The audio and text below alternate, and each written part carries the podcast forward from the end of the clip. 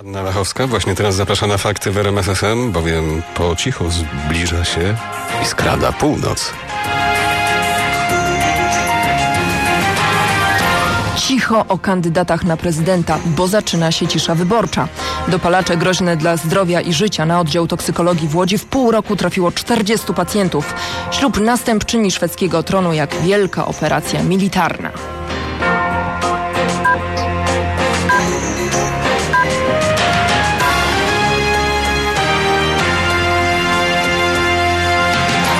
Sobota, 19 czerwca, na zegarach północ. W tej chwili w całym kraju zaczyna obowiązywać cisza wyborcza.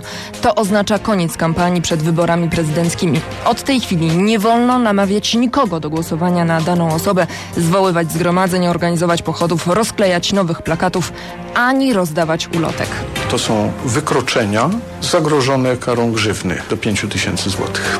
I karany jest ten, który agituje, a nie kandydat. Naturalnie karany jest sprawca, czyli osoba, która by ciszę naruszyła.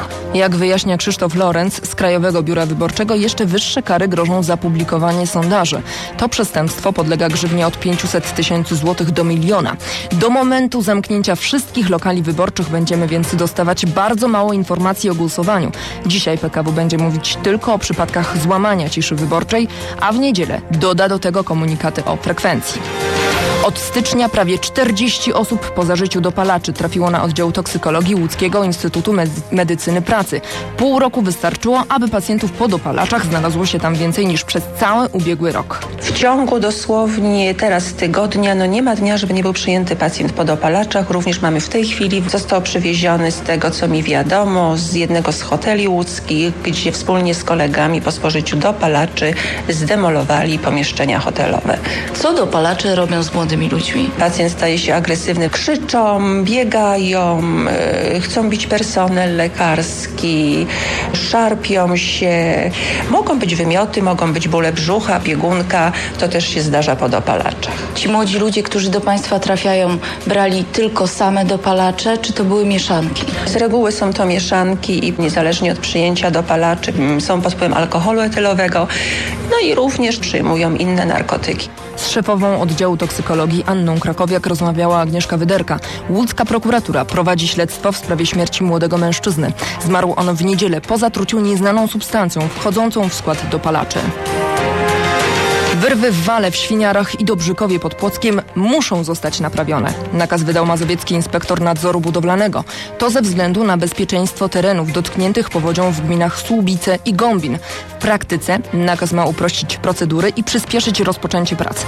Gdy 23 maja Wisła przerwała wał w Świniarach na terenie gmin Słubice i Gombin, woda zalała ponad 20 miejscowości zamieszkanych przez około 4 tysiące osób. Ewakuowano ponad 2,5 tysiące mieszkańców.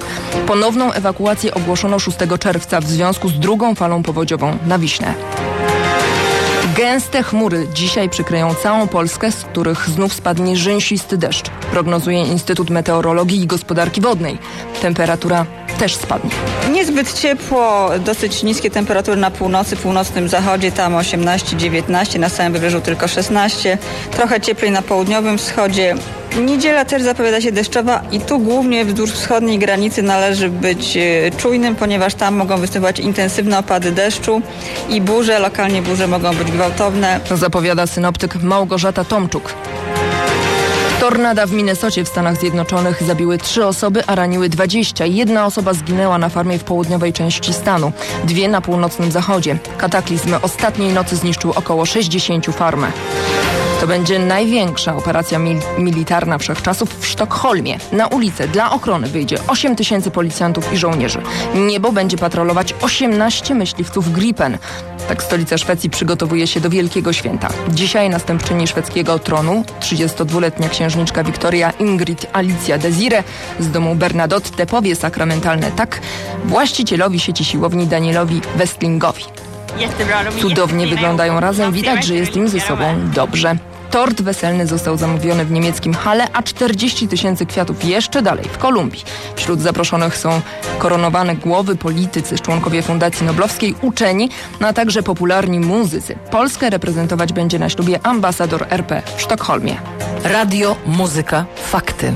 RMF FM.